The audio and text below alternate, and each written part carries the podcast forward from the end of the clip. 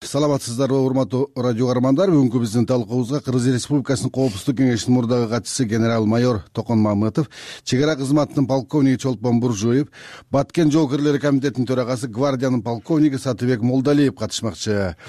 Менин биринчи суроом токон мырза сизге да бул тажик чек ара кызматынын жетекчилигине шилтеме кылып орусиялык бир топ маалымат каражаттары тажик афган чек ара тилкесинде жакын жерде талибан кыймылы күч топтоп жатканын айтып чыгышты бул эми террористтик деп саналган бул уюмдун потенциалы анын борбордук азия өлкөлөрүндө коркунучу канчалык мындай э, оор деп ойлойсуз? Же болбосо анчалык коркунучтуу. Саламатсыздарбы? Э, азыркы учурда афганистандагы талибан кыймылы ал өзүңөр билесиңер баягы аль каида жандандырылып жаңыдан баягы өзүнүн ишмердүүлүгүн афганистанда уюштуруп атканда ошондо ошонун курамына талибан да кирип кетип ошону колдогон. Кийин бир нече жыл ошол э, аль каиданын туусунун астында баягы согуштарды башка иш аракет террористтик актыларды да ушул уюштурулган. Бүгүнкү күнү деле талибан өтө э, мындай орчундуу бир аскер кыймылдарынын бири афганистанда.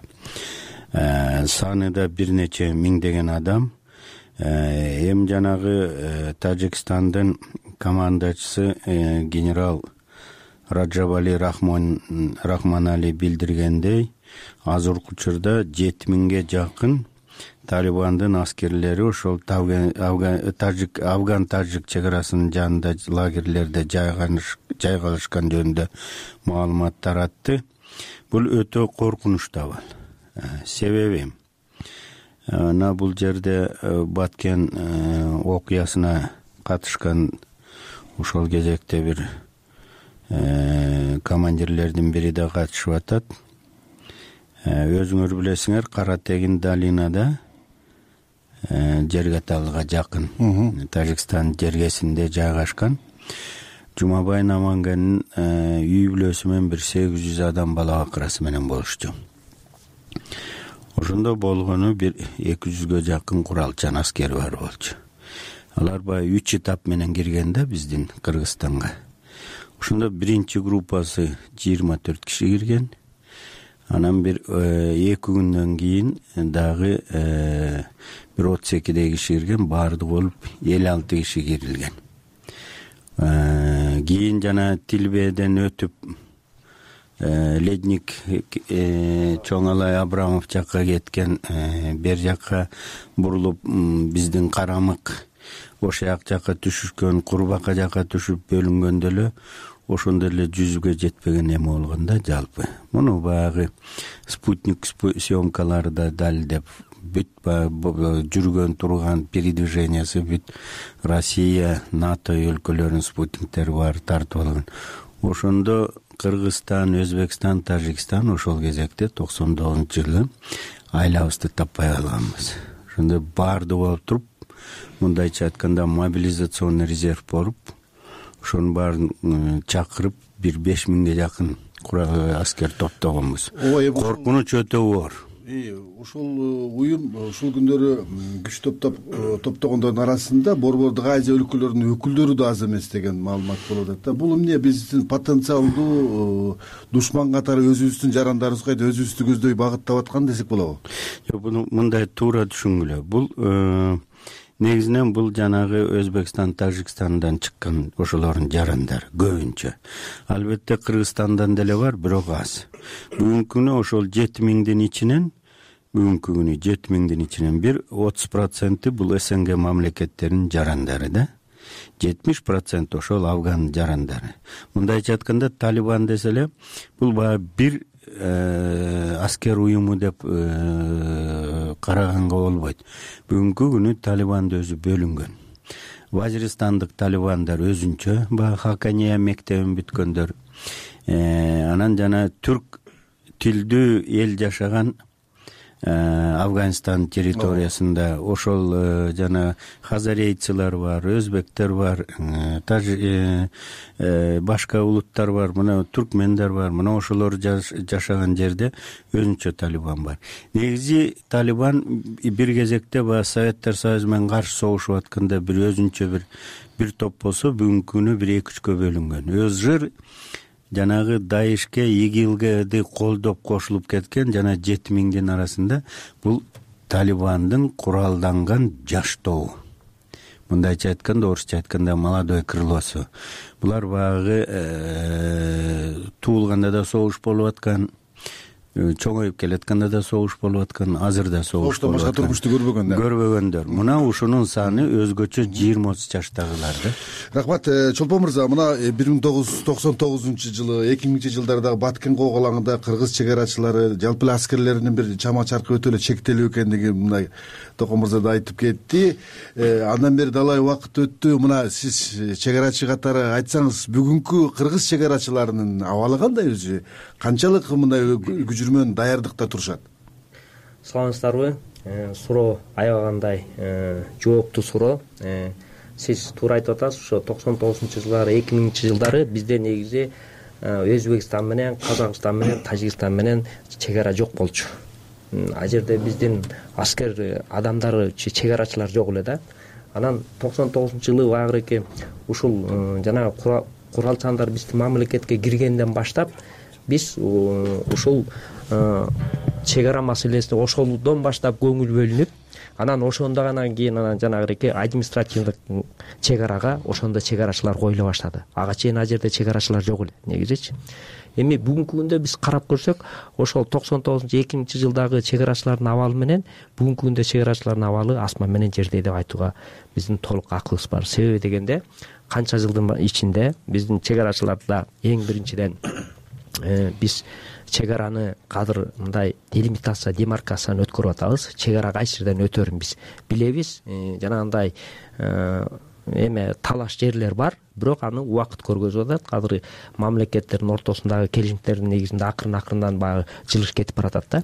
Экинчиден болсо биз ушул өткөн жылдардын ичинде эң биринчи биз кадрларды даярдадык чек арачылардычы башка мамлекеттерден э, окутуп алдык. Үчүнчүдөн болсо биз э, материальдык жактан курал жарактардан биз токсон тогуз экинчи жылдары караганда аябагандай астыга байланыш каражаттары астыөтөй өстү ошону колдончу жигиттерди биз тарбияладык э, кийинки айтып кете турган нерсе ошол. Токсон тогуз экинчи жылы э, ошол баткен коогалаңына катышкан жигиттер жоокерлер азыр катарда турат. Алар жердин уусун билет анан дагы бир аябагандай мындай жакшы нерсени айтып кете турган болсок бизде азыр чек араны биздин мисалы баткен областы ош областында жалал абад областындагы жергиликтүү эл түшүндү. Азыр деген ошолор менен э, маалымат алышууга ошолор бизге маалымат бергенге э, бир ушундай оперативный күчтөрүбүз бар мына ушулор менен өткөн. Анан эң акыркы айтып кете турган нерсе биздин өзүбүздүн э, снг мамлекеттеринин ортосунда чек арачылардын кол башчыларынын кеңеши бар. Анан ошолор аркылуу биз ошолор менен курал жарактарыбызды э, жаңылатып андан тышкары ошол маалыматтарды бири бирибизге беришип мына ушундай тажрыйба алмашып турабыз ушул демеде сөз бар эмеспи мындай чычкан өтө алгыс депчи. Чек арачы чек арада бир бекемдик барбы тартип барбы десек болобу? Мына бүгүн мен бир моундай маалымат окудум да бүгүн э, Э, кечээ күнү алтынчы майда баткен облусунун аймагында машинанын багажнигине отуруп алып документи жок бир өзбекстандын жараны өтүп баратканы кармалды дейт да. Демек ушундай бир э, жорук ушундай бир абал оңой эле өтүп кеткенге мүмкүнчүлүк түзүлүп калбайбы? Бизге террористтер ошентип эле өтүп кетип калбайбы деген суроо туулат экен да. Канчалык э, бекем биздин чек арабыз эң туура чек ара болгондон кийин чек ара бузуучу ар дайым болуш керек. Бул бул баардыгыбызга белгилүү нерсе чек ара болмоюнча чек ара бузуучу жок болот. Ошон үчүн ар дайым чек арада ошондой нерселер болуп турат. Муну токтотууга мүмкүн эмес. Ошон үчүн чек арачылар кандай болуш керек? Катуу даярдыкта болуш керек. Жанагындай ыкчам маалыматтарды алып туруш керек. Э, мисалы экинчи четинен э, мисалы кээ бир жерде чек араларыбыз бар. Бизде аябагандай бийик тоолуу райондорчу. Бийик бийик тоолуу жерлер бар ошол жерде мисалы чек арачылар жанагы баягыраки чек араны кайтарып көрбөгөн кишилер ойлогондой эмес. Ал жердечи ал жерде ошо чек ара кайтаруунун өзүнчө башкача ыкмалары бар. Ошолор менен кайтарылат. Анан э, ошол бүгүнкү айтып атканыңыз көргөзүп атат ошол жанаг машинанын багажына э, отуруп алып качып бараткан кишини кармап аткандан кийин чек арада ошондой э, кызмат кылган жигиттер бар анда биз сатыбек мырзадан сурасак мына өткөн алты жылда кыргызстандын куралдуу күчтөрүндө реформа болду армия заманбап курал жаракка ээ болду турак жайлар менен камсыз болду акча айлык көбөйдү деп атабыз да. Анан кийин ушинтип мактанабыз. Экинчи жагынан бул эжелүү кызга эски тон демекчи орусиянын эски курал жарагын алып кыргыз армиясынын потенциалын көтөрө алган жокпуз деген да пикирлер бар.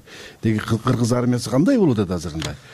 Саламатсыңарбы кымбаттуу туугандар биздин алдыбызда э, жолдош генерал айтып өткөндөй жакшылыктар армияда кыргызстанда көп жүрүп атат. Например э, мындай эме алсак э, биздин ушул акыркы алты жылдын ичинде кыргызстандын армиясында көп өзгөрүүлөр өттү. Алардын ичинде бул кайра жаңыруу деген кайра жаралуу деген реформа айтылды. Ошонун ичинде көптөгөн мисалы үчүн акыркы жыйырма үч жылда кыргызстан көрүнгөндүн кийимин кийдик сириянын кийдик казактыкын американыкын кийдик. Мына ошо акыркы жылдарда өзүбүздүн кийимибиз бар. Татынакай өзүбүздүн эмблемабыз бар. Өзүбүздүн фабрикабызда тигип атат кычырата. Баардык дүйнөлүк аскерлердей татынакай кийинип алып согуш таласында болсок болот. Албетте кемчиликтер болот. Бул армия деген кадимки эле адамдын денесиндей армия күнү түнү курулушта күнү түнү өзгөрүүдө болуш керек. И жакшы өзгөрүүлөр бүгүнкү күндө бар. Анан эми акыркы жаңылыктар боюнча кыргызстандын армиясы э, көп армиялардан алдыга озуп чыгып э, жакшы көрсөтүп атат. Мунун себептери бар. Мунун биринчи себеби бул уже биздин мамлекеттин өзүнүн балдарына өзүнүн уулдарына жакшы көз карашы. Мына үйлөрдү салып берип атат э, э, курал жарактарды алып берип атат. Жакшы. Бирок бирок мен ойлойм ошол аскер адамы катары ошо аскердик э, турмушту билген катары бизге анча мынча чоң куралдар керек. Жанагы асмандан алысты көргөн алысты уккан кара мылтык менен баарын азыр жеңиш кыйын. Биз көрүп атабыз. Борбордук азия бул америкага или биз орустардын досу болобуз да түбөлүк досубуз да. Ошондуктан булар э, америкалыктар бизге аябай эле көз салып көз карашат. Ошондуктан куралдуу күчтөр жанагы эле автомат пулеметтер менен э, жабдылган эмес. Башка дагы мисалы үчүн учуучу аппараттар угуучу аппараттар караңгыда көрүүчү аппараттар бизге керек. Азыр демек бүгүн жетишсиз дейсизби ошо. бүгүнкү күндө жетишсиз деп айта алам себеп дегенде армиянын өзүнүн э, такталышы өзүнүн күчү абдан жакшы потенциал. Но бирок жанагы көрбөсө укпаса кыйыныраак болуп калат. Рахмат э, токон мырза мына кыргызстан мүчө болгон жамааттык коопсуздук э, келишими деген уюм бар эмеспи бул уюмдун дагы бир максаты ушундай бир аймактагы коопсуздукка биргелешип күрөшүү эмеспи да.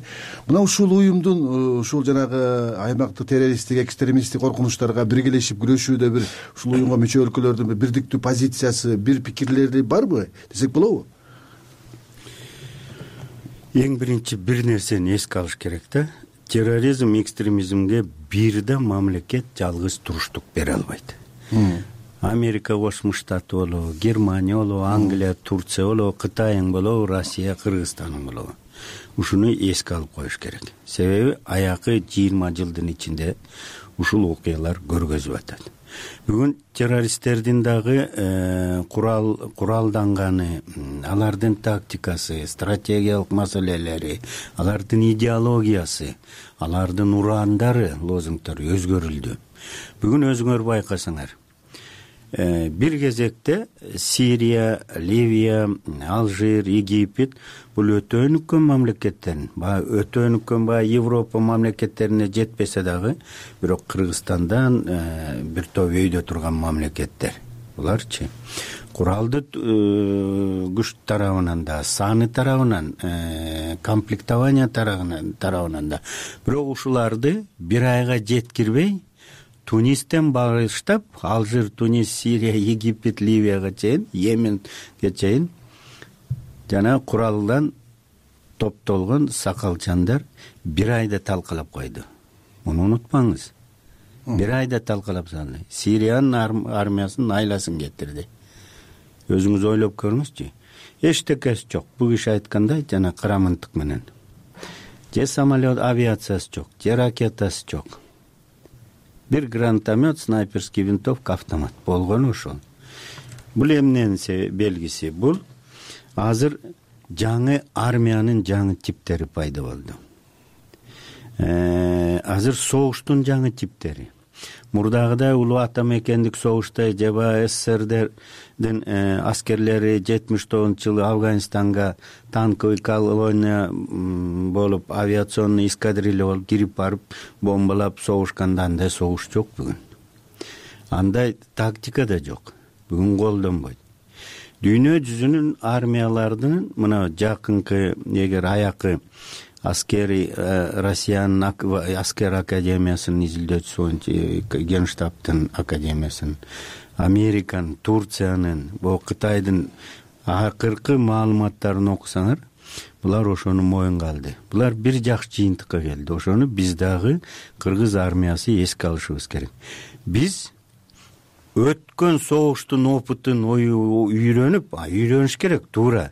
Бирок ошол согушка даярданып атабыз да. Мындан он жыл жыйырма жыл кырк жыл мурун ай аскер илими айтып атат. Бүгүн ал опытты эске алып кой.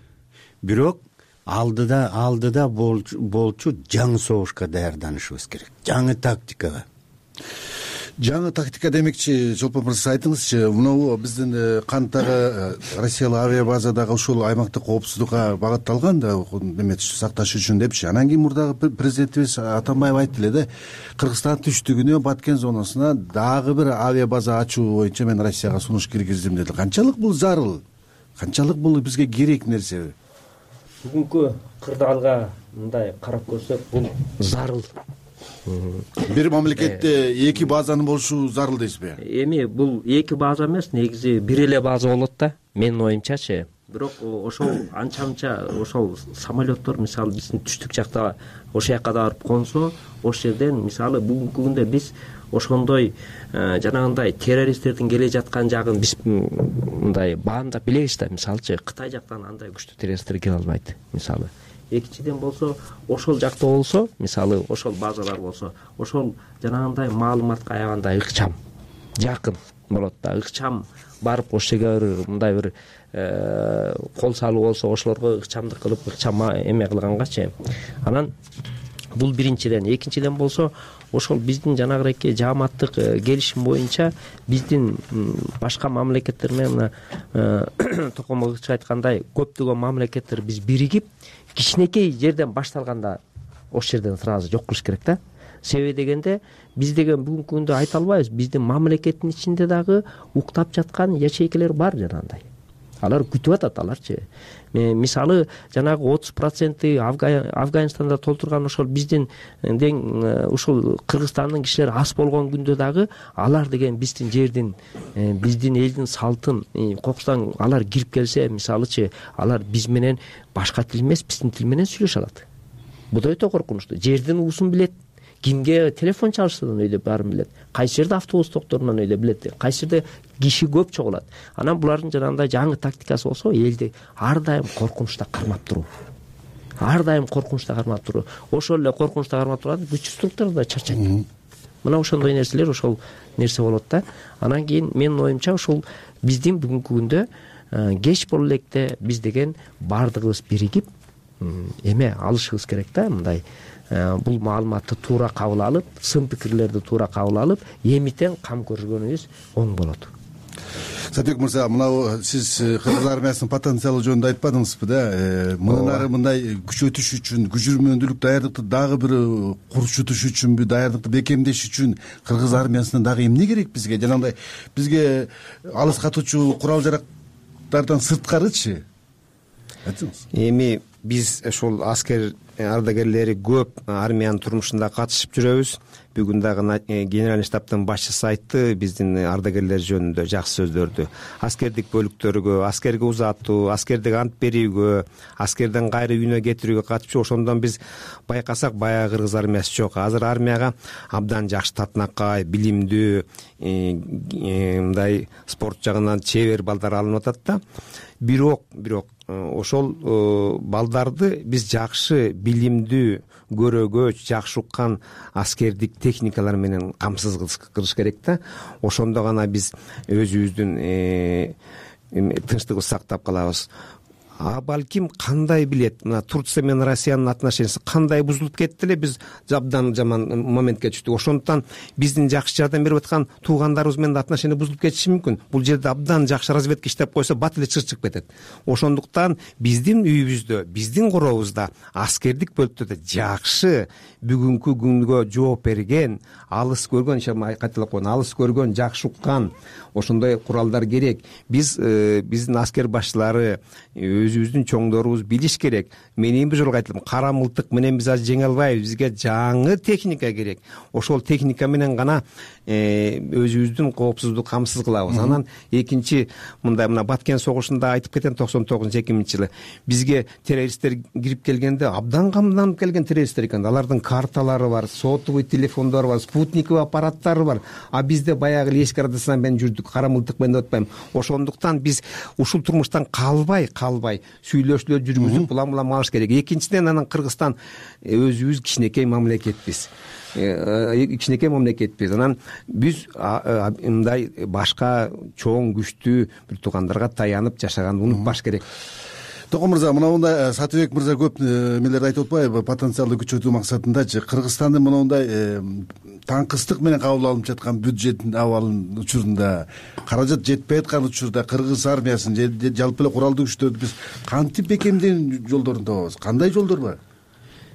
Э, реформа өзгөчө аскер реформасы бул өтө кымбат нерсе.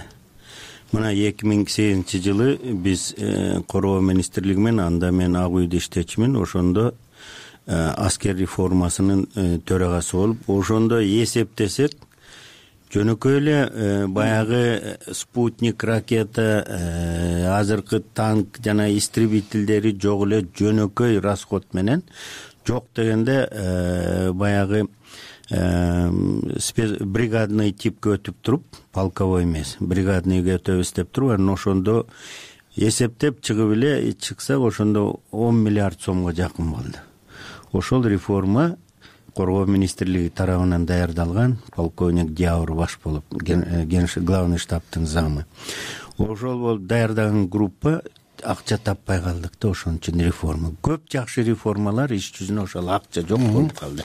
Ошондуктан биз баягы э, коңшу мамлекеттерге башка аскер блокторуна э, муктажбыз да ошолордун жардамы менен биз армияны реформалашыбыз керек. Рахмат э, урматтуу угармандар. Бүгүн биз кыргызстандын сырттан келчү коркунучтарга даярбы? Күч түзүмдөрүнүн күчүрмөндүүлүгү кандай? Өлкө ичиндеги террордук экстремисттик күчтөрдүн таасири барбы? Жана башка ушул маселелерди талкууладык. Бүгүнкү биздин талкуубуз кыргыз республикасынын коопсуздук кеңешинин мурдагы катчысы генерал лейтенант токон мамытов чек ара кызматынын полковниги чолпон буржуев баткен жоокерлер комитетинин төрагасы гвардия полковниги сатыбек молдалиев катышты берүүнү мен бакыт орунбеков алып бардым.